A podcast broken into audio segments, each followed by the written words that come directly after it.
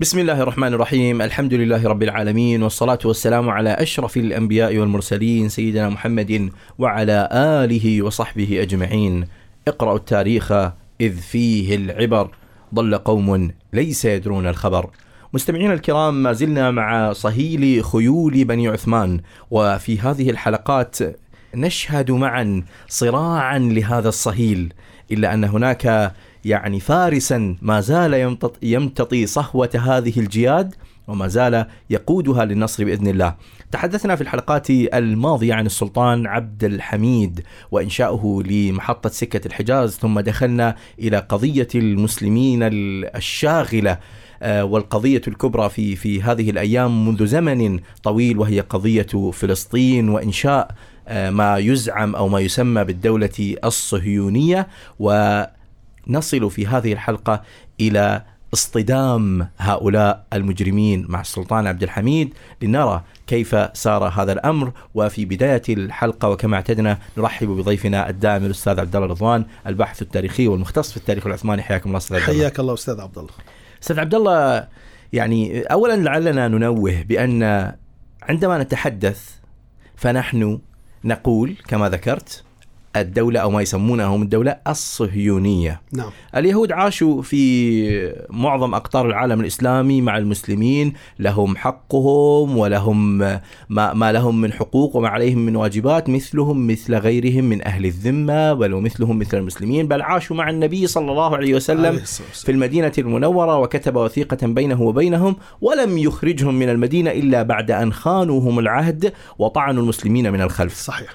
آه وبالتالي عندما نتحدث نعم. لعلهم يأخذونها يعني آه، آه، حربا على شتى الفعليا الأصعدة سياسيا واقتصاديا وما إلى ذلك كرها في المسلمين جميعا نعم. ولكن عندما نتحدث نحن عن هؤلاء فنحن لا نقصد اليهود ف...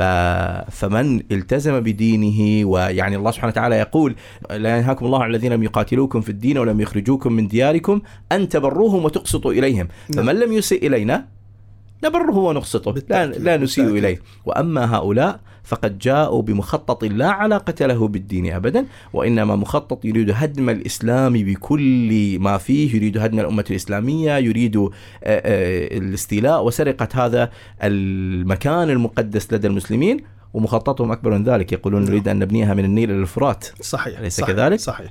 فنتابع الآن مع السلطان عبد الحميد أستاذ عبد الله وأنا أطلت في المقدمة. أه، بسم الله الرحمن الرحيم. أستاذي الآن هؤلاء وصلوا إلى قناعة أننا أه، سنبني وطننا في فلسطين.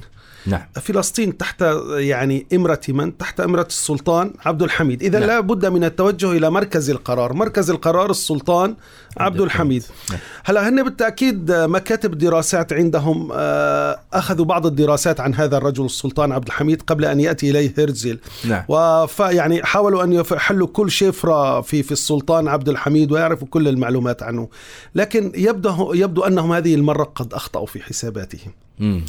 هذه المرة قرروا أن يدخلوا عبر المال إلى السلطان عبد الحميد. نعم. تمام؟ إذا هم آه يقرر هيتزل أن دخوله إلى السلطان عبد الحميد سيكون من خلال المال. ومن لا يسيل لعابه للمال وخاصة إذا ما قدم للسلطان عبد الحميد رشوة على شكل هدية. هم نعم. هدية لكن هي رشوة. وقاموا بإيفاء ديون الدولة العثمانية ومنعوا تحرك الأرمن وجعلوا من الصحف الأوروبية التي كانت تشتم وتشوه سيرة السلطان عبد الحميد أن تصبح تمجده وتسبح بحمده. إذا مجموعة إغراءات تقديم. المال نعم. إيفاء الديون آه، الأرمن الأرمن آه، تهدئتهم تسكين تسكين الأرمن الذين يقومون بالعصيان في الدولة العثمانية. م. الصحف الأوروبية ستسبح بحمدك يا سلطان عبد الحميد إذا على كل الجبهات سنقدم دعم مادي ومعنوي وماذا تريد؟ لكن. نريد طلبا واحدا. كان هذا ما يدور في رأس ذلك الصحفي تيودور هيرزل لكن السلطان عبد الحميد المتيقظ لخطورة الوضع من حوله داخليا وخارجيا كان قد شكل وبشكل سري جهازا امنيا كان على مستوى عال من الحرفية. هذا الجهاز الأمني كان من إحدى مهامه متابعة مؤتمر بال والتحركات الصهيونية، يعني عبد عبد الحميد كان هو يراقبهم نعم. ويعرف ماذا يدور في خلف الكواليس.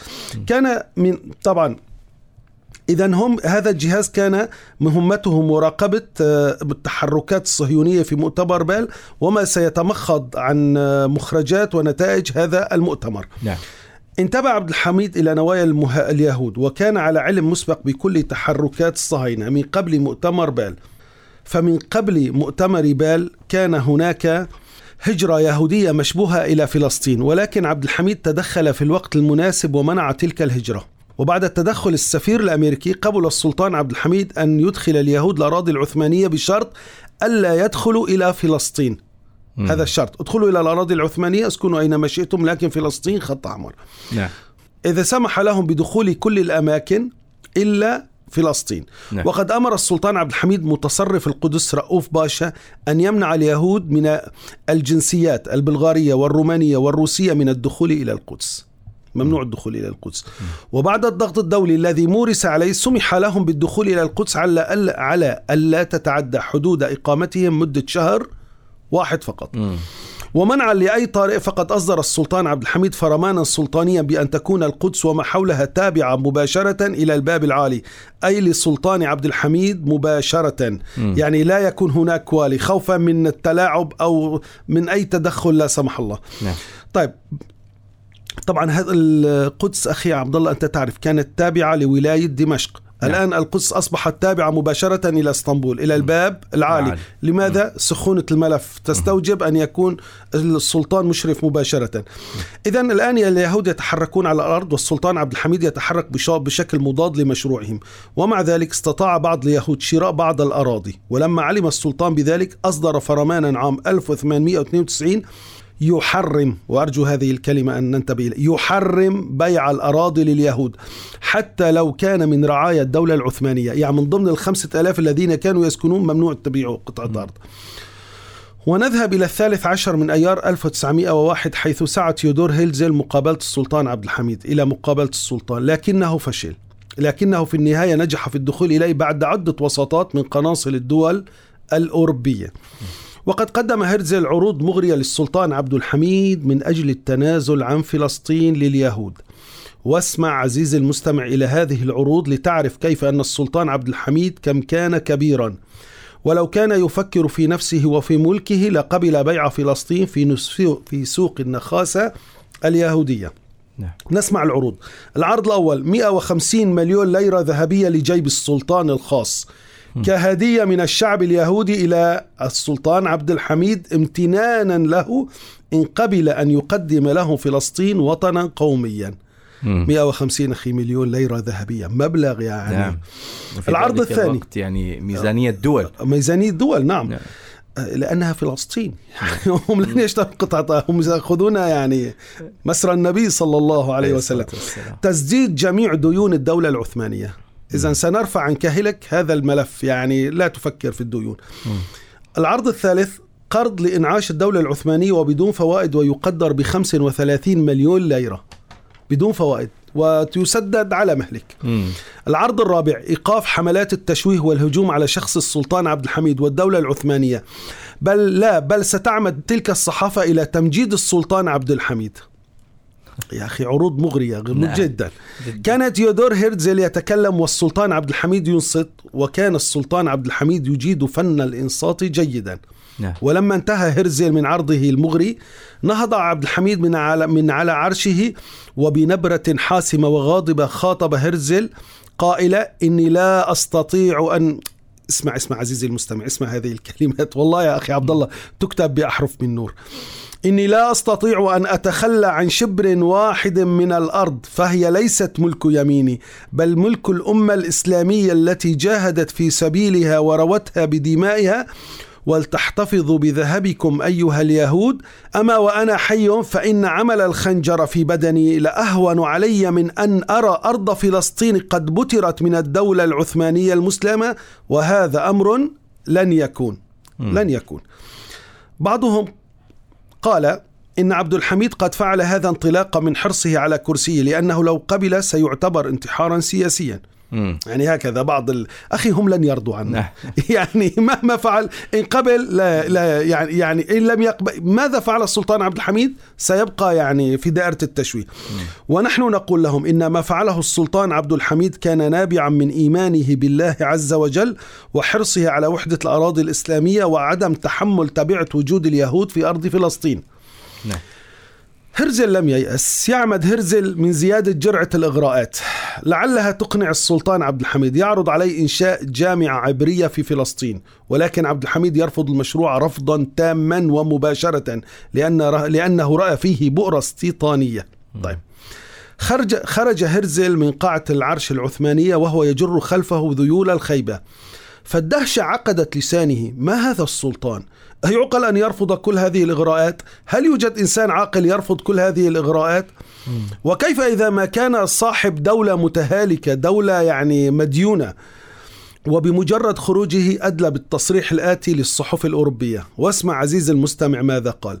يقول هرزل أقر على ضوء حديثي مع السلطان عبد الحميد الثاني أنه لا يمكن الاستفادة من تركيا إلا إذا تغيرت حالتها السياسية أو عن طريق الزج بها في حروب تهزم فيها أو عن طريق الزج بها في مشكلات دولية أو بالطريقتين. هو يعطي يعني حتى كما يقال عم يصرف روشيتا كيف سنتخلص منها يعني يعني؟ نعم. أي دهاء وأي مكر. وانظر أخي ما كان بالأمس يدبر للدولة العثمانية يدبر الآن لتركيا. نفس ال... ول... ولكل بلد مسلم. هم لا يريدون لهذا المسلم أن يأخذ دوره الريادي. ولكن ماذا قال السلطان عبد الحميد بعد خروج هيرزل لقد قال لن يستطيع رئيس الصهاينة هرتزل أن يقنعني بأفكاره مهما قدم إلي من مغريات. يتابع عبد الحميد لماذا نترك القدس؟ إنها أرض أرضنا في كل وقت وفي كل زمان وسنبقى كذلك فهي من مدننا المقدسة وتقع على أرض إسلامية لا بد أن تظل القدس لنا. والله هذا يجب أن نتخذه شعارا. لا بد أن تظل القدس لنا. إذا يقوم هرتزل بكتابة مقال نار في أحد الصحف الأوروبية يفتح فيه النار على عبد الحميد والدولة العثمانية. الآن بدأت الحرب العلنية ضد عبد الحميد. نعم. يقول إنني أفقد الأمل في تحقيق أمان اليهود في فلسطين وأن وأن اليهود لن يستطيعوا دخول الأراضي الموعودة ما دام السلطان عبد الحميد قائما في الحكم مستمرا فيه. آه.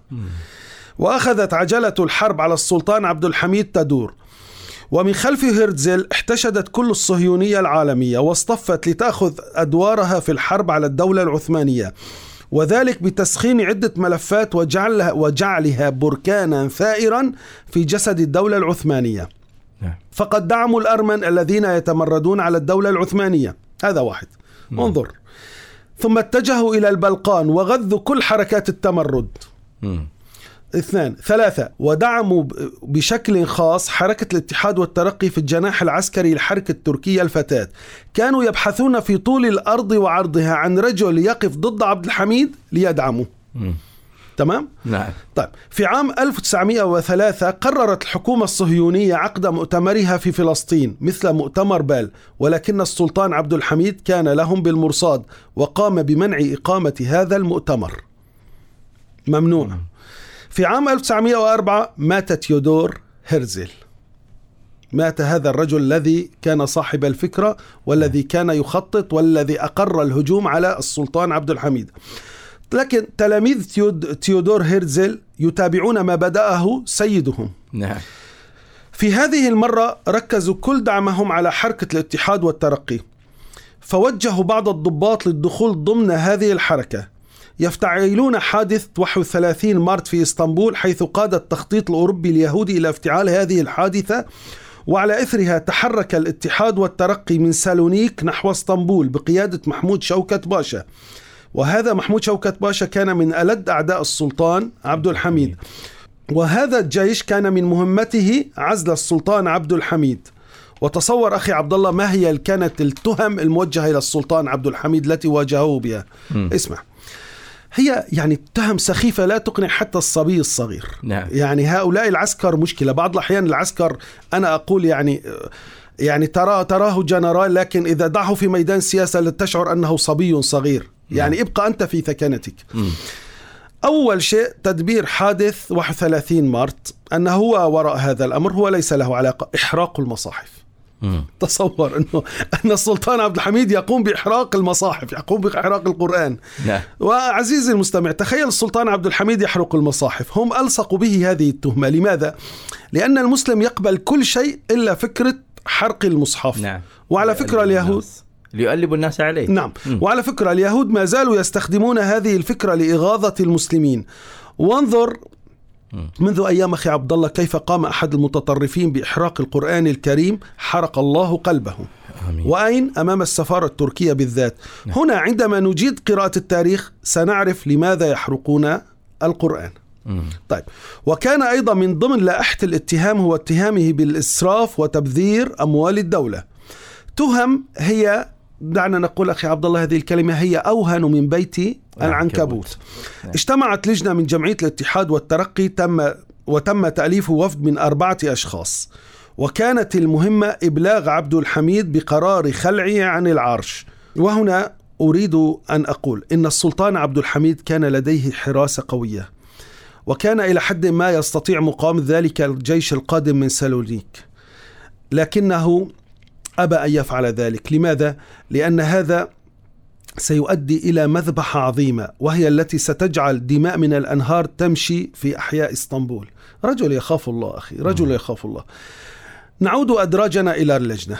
إذا ألفت لجنة من قبل الاتحاد والترقي أربعة أشخاص. إن نعم. يعني هذا الوفد كان مكلفا بإبلاغ السلطان عبد الحميد بقرار تنحيه وعزله.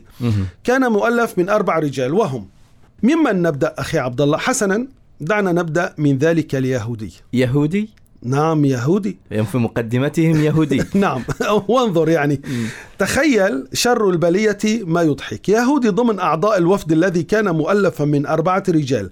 هذا الرجل كان مهمته تأليب الناس على السلطان عبد الحميد وجعل الشارع ساخطا عليه. كان مهمته صنع الافتراء والكذب والدعاية ضد السلطان عبد الحميد. آه لذلك اختاروه لا لا في مسؤوليات أخرى. تخصصهم هذا.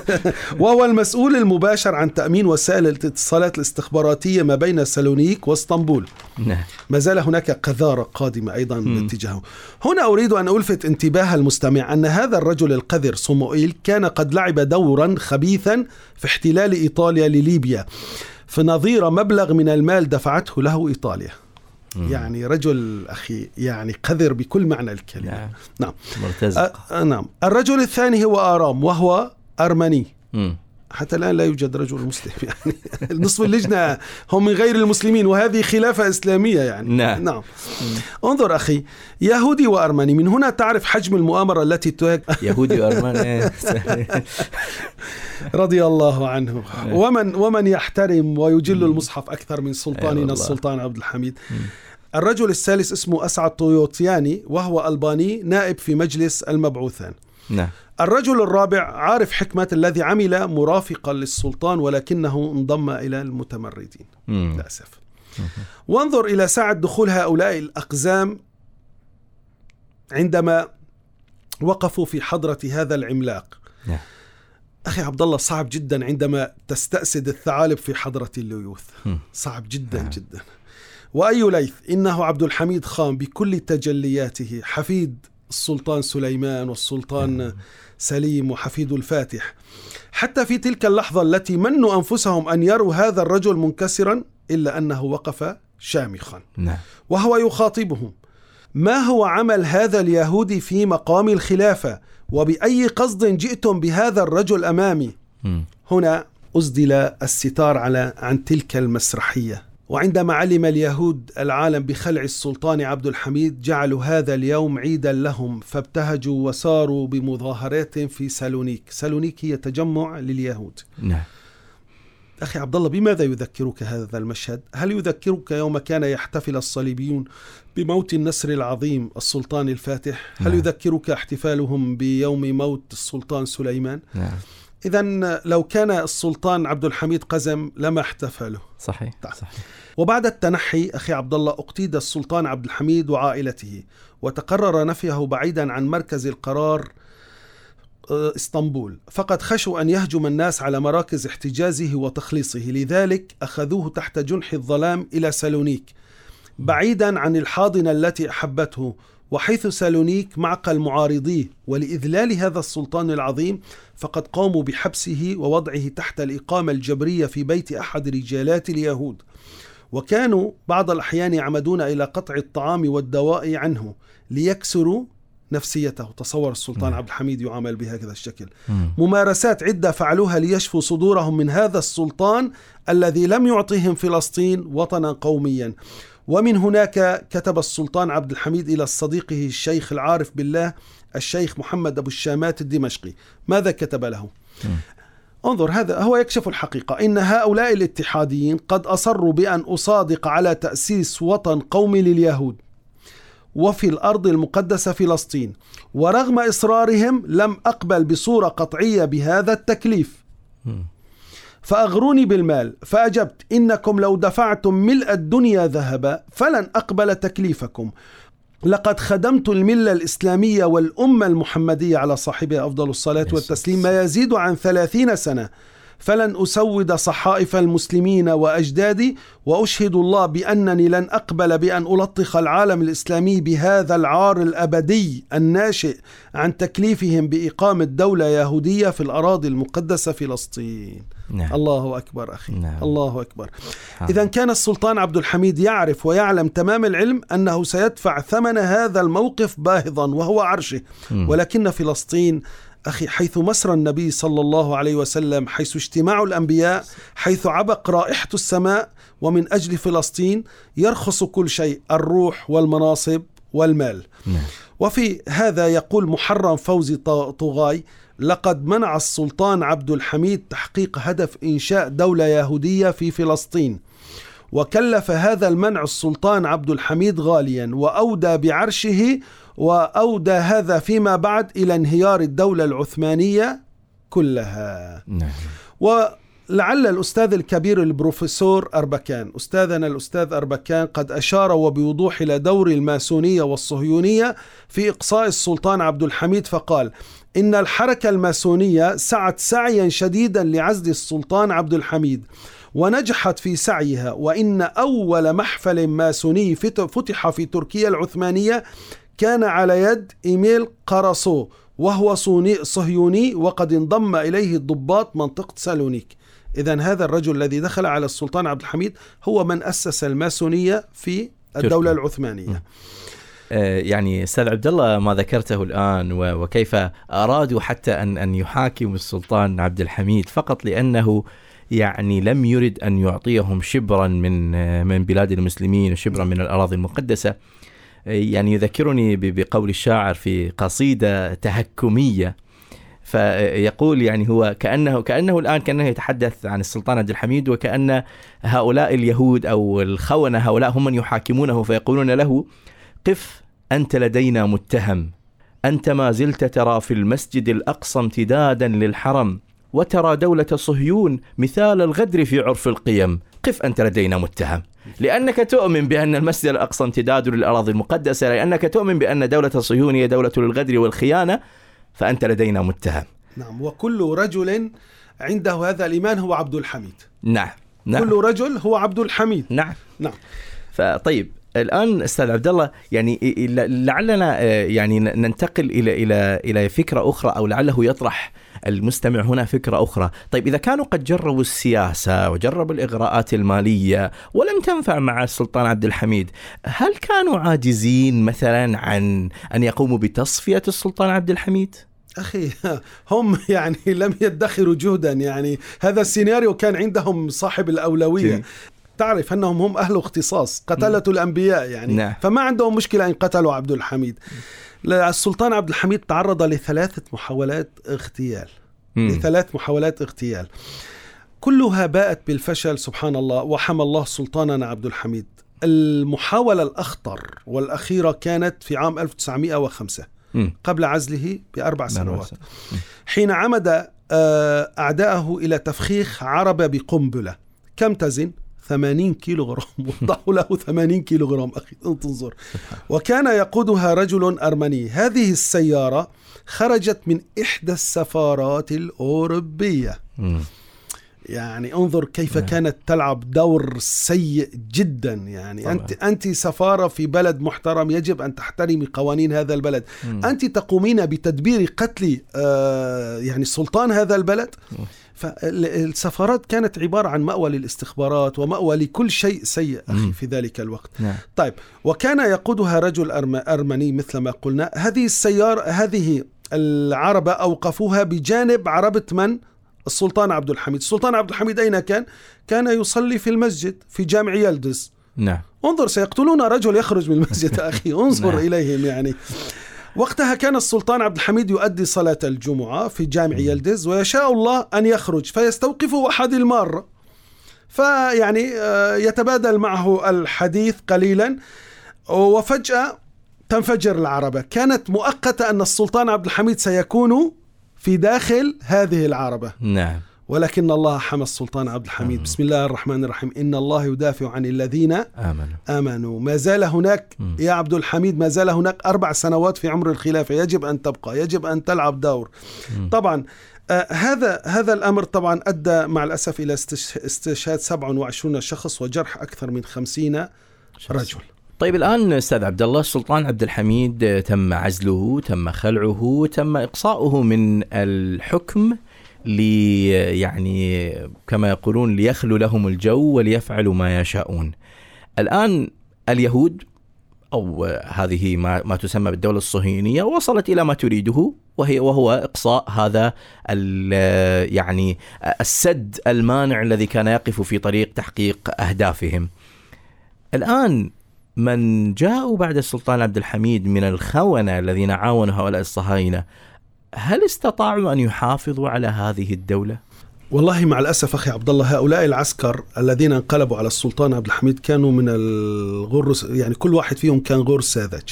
استخدم من قبل الصهيونية العالمية نعم بعد أن تم إقصاء وعزل السلطان عبد الحميد عن عرش الدولة العثمانية شعر العسكر عسكر الاتحاد والترقي أنهم استدرجوا وأنه قد تم استخدامهم وتوظيفهم في أقذر مشروع وهو عزل السلطان عبد الحميد. واسمع عزيزي المستمع ماذا قال أيوب صبري قائد الاتحاديين العسكريين. لكن بعدما ماذا؟ بعدما وقع الفأس في الرأس. اسمعوا ماذا يقول. نعم. لقد وقعنا في شرك اليهود عندما نفذنا رغباتهم عن طريق الماسونية لقاء صفحتين من الليرات الذهبية يعني برميلين صغيرين من الليرات الذهبية. نعم. في الوقت الذي عرض فيه اليهود ملايين الليرات الذهبية على السلطان لتنفيذ مطالبهم إلا أنه لم يفعل ذلك. نعم. يعني يريد أن يقول كم كنا نحن صغارا. واسمع عزيزي المستمع إلى هذا الحوار الذي دار بين أنور باشا الذي لعب دورا مهما في الانقلاب على عبد الحميد يخاطب فيه شريكه جمال باشا أيضا هو شريكه في الانقلاب. يقول أنور أتعرف يا جمال باشا ما هو ذنبنا؟ ذنبنا إننا لم نعرف قدر سلطاننا السلطان عبد الحميد فأصبحنا لعبة في يد الصهاينة واستثمرتنا الماسونية العالمية نحن بذلنا جهدنا للصهيونية وهذا هو ذنبنا الحقيقي. هذا كما يقولون إذا فات الفوت. انتهى انتهى الصوت. انتهى. وتعرف أخي عبد الله هم بعض الأحيان هم هم تقريبا قبل آه، وفاة السلطان عبد الحميد في عام 1918 م. كانوا يذهبون إليه لواذا وسرا ويقابلونه ويستشيرونه. ثم هو يكيل لهم يعني هكذا التعنيف. هو ما زال السلطان هم يجلسون أمامه صغار. نعم. يعني كان يلومهم. أنتم ماذا تفعلون؟ هذا تخبط سياسي الذي أنتم دائما تذهبون إلى الخيار الخطأ. لماذا دخلتم الحرب العالمية الأولى؟ لم- لماذا جررتم بلادنا إلى هذه الح... يعني دائما يعني هو في الإقامة الجبرية وهم يجلسون أمامه يستشعرون أن يستشعرون عظمتهم كالأطفال والصبيان الصغار يجلسون بين يديه. نعم نعم. إذا نعم لقد شعروا بالذنب ولكن بعد ماذا؟ لا التاريخ ولا الأجيال ولا حتى أحد سيغفر لهم تلك الزلة. وأي زلة؟ لقد أطاحوا برجل حكم الدولة 33 سنة ولم يفقد بوصة واحدة من أراضيه. أخي عبد الله لم يفقد بوصة واحدة. رغم كل ذلك الضعف الذي كانت تعانيه الدولة والإفلاس. وجاء من بعده سلطان وهم أتوا من بعده بمن؟ بسلطان ضعيف لا حول له ولا قوة اسمه محمد الخامس رشاد. لقبه رشاد. واستمر حكمه من عام 1909 إلى عام 1918 ولم يكن هذا السلطان إلا سلطانا صوريا يجلس على عرش كرتوني. جاء به العسكر ليكون دمية في أيديهم. وهؤلاء العسكر الخونة هم. ربما الآن المستمع يقول من هؤلاء العسكر؟ نقول طلعت باشا وزير الداخلية. أنور باشا وزير الحربية. جمال باشا وزير البحرية. وحقيقة إن هؤلاء العسكر الانقلابيين تسببوا في مآسي للأمة بكثرة الأخطاء التي ارتكبوها. ولنضرب مثال على ذلك. قلنا أن السلطان عبد الحميد هل فقد بوصة أخي عبد الله؟ لا. لا. ثلاث وثلاثون سنة بوصة واحدة لم يفقد نعم. وانظر إلى هؤلاء الحمقى من عام 1909 إلى عام 1918 ماذا فقدنا ماذا فقدوا؟ خذ مثلا البوسنة والهرسك. فقد استطاعت النمسا السيطرة على البوسنة والهرسك دون أي جهد دون أي جهد. البوسنة والهرسك هذه في البلد كلها خرجت من أيديهم. وتأتي مساد م- مسأ- مأساة فقدان ليبيا على أيديهم لتكشف مدى حمق هؤلاء العسكر. مم. فقدوا ليبيا. نعم. ثم كانت الضربة بخروج الدولة العثمانية من البلقان بعد تحالف اليونان والبلغار والصرب. مم. الدولة العثمانية خرجت من البلقان أخي عبد الله بشكل. نهائي ولم يبقى من كل البلقان في البلقان في أيدي الدولة العثمانية إلا مدينة أدرنة. مم. كم انحسرت الدولة على أيدي هؤلاء العسكر؟ وفي مص- سنوات م- قليلة. وفي سنوات قليلة. مم. والله يا أخي كأنما الله عاقبهم يعني من فشل هم يخرجون من فشل إلى فشل. نعم. وتأتي الطامة الكبرى على يد هؤلاء العسكر حين سجوا زجوا في الدولة العثمانية وتأتي الطامة الكبرى على يد هؤلاء العسكر حينما زجوا في آه، الدولة العثمانية في حرب لا ناقة لهم فيها ولا جمل هي الحرب العالمية الأولى. دون أي مبرر أخي عبد الله. نعم لقد كان هؤلاء العسكر الانقلابيين وبالا على الدولة العثمانية فهم من أخذوا بأيديها أنا الآن سأقول كلمة فهم من أخذوا بأيديها فهم من أخذوا بأيديها للانتحار. هؤلاء الأربعة. نعم. وبالمناسبة هؤلاء الخونة قد لاقوا حتفهم. مم. طلعت باشا اغتيل في برلين. جمال باشا قتل في أفغانستان. مم. محمود شوكت باشا اغتيل في اسطنبول عام 1913 أنور باشا صدر حكم من القضاء العثماني فيما بعد بإعدامه. إذا إذا هؤلاء أخي كانوا كانوا عبارة عن شر مستطير على على على الدولة العثمانية. وهم هكذا دائما ال- ال- الخونة. إذا انتهى دورهم خلاص. نعم. يعني يؤخذون من من من من كل جانب. لأن حتى هذا العدو الذي يعني دعاهم إلى الخيانة وشجعهم إليها هو هو لا يأمنهم. هو طبعا لا يأمنهم. إذا إذا هم لم لم, لم يؤمنوا على أوطانهم نعم. هل سيؤمنون؟ نعم. مستحيل. يعني لعلنا نتذكر أستاذي في في في بغداد عندما قدم هولاكو إلى بغداد من الذي أعطاهم مفاتيح ابن بغداد؟ العلقمي. ابن العلقمي. نعم. وقبل أن يدخل إلى بغداد قطع رأس ابن العلقمي وقال هذا لم يأمن على لم لم يأمن و- يعني على وطنه فكيف نؤمنه على أنفسنا؟ وقطع رأس ابن العلقمي ثم دخل إلى بغداد. بالتأكيد أستاذي. هذه هذه النهايات المأساوية إلى المزابل التاريخ. نعم. أما سلطاننا السلطان عبد الحميد مم. لهف قلبي على سلطاننا أستاذي والله أنا عندما أرى الناس يحملون في قلوبهم جبال المحبة للسلطان عبد الحميد نعم. أقول سبحان الذي أعز هذا الرجل مم. سبحانه صحيح. وتعالى طيب نعود إلى السلطان عبد الحميد لقد وضع كما قلنا تحت الإقامة الج- الجبرية في سالونيك مم. لمدة كم عام؟ ثلاثة أعوام نعم. ثم تم جلبه ونقله إلى قصر بيلاربي عام 1912 آه، في النهاية عبد الحميد آه، كان يرى مشهد تساقط دولته التي أحبها مم. مشهد تساقط دولة أجداده وكان يتألم وتحت وطأة هذا الألم اشتد عليه المرض نعم. اشتد عليه المرض مم. يعني اشتاق السلطان عبد الحميد إلى لقاء ربه وفي 10 فبراير عام 1918 كان الموعد حيث زفت روحه الطيبة إلى بارئها. رحم الله السلطان عبد الحميد. رحمه الله وهو ينقل حجاج بيت الله الحرام في قطاره. رحمه الله يوم صان فلسطين ومنع ومنع بيعها في سوق النخاس العالمي. رحم الله السلطان عبد الحميد. فلمثله تشتاق الأمة.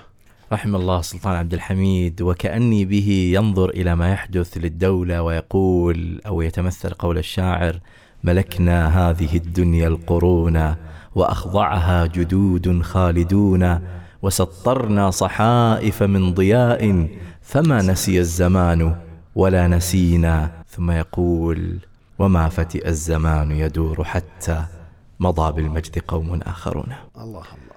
رحم الله السلطان عبد الحميد وما فعله وما قدمه للأمة الإسلامية وللخلافة الإسلامية والمقدسات الإسلامية. آه، يعني لعلنا في هذه الحلقة أستاذ عبد الله وصلنا إلى يعني ختام هؤلاء السلاطين العشرة الذين قادوا الدولة العثمانية إلى النصر والتمكين الذين صنعوا التاريخ الذين صنعوا الإنجازات. نعم. ولعلنا في الحلقات القادمة نتحدث بشكل بشكل عام عن مفهوم النصر والتمكين في هذه الدول وكيف استطاع هؤلاء السلاطين أن يصلوا إليه. اذا في ختام هذه الحلقة لا يسعنا إلا أن نشكر ضيف البرنامج الدائم الأستاذ عبد الله رضوان الباحث التاريخي والمختص في التاريخ العثماني. شكرا جزيلا أستاذ عبد الله. حياك الله أستاذي حياك. والشكر لكم أنتم أيضا مستمعينا الكرام على حسن الاستماع والمتابعة. وتقبلوا تحيات فريق البرنامج والهندسه الإذاعية. حذيفة ناجي وهذه تحيات محدثكم عبد الله حمدان. والسلام عليكم ورحمة الله وبركاته.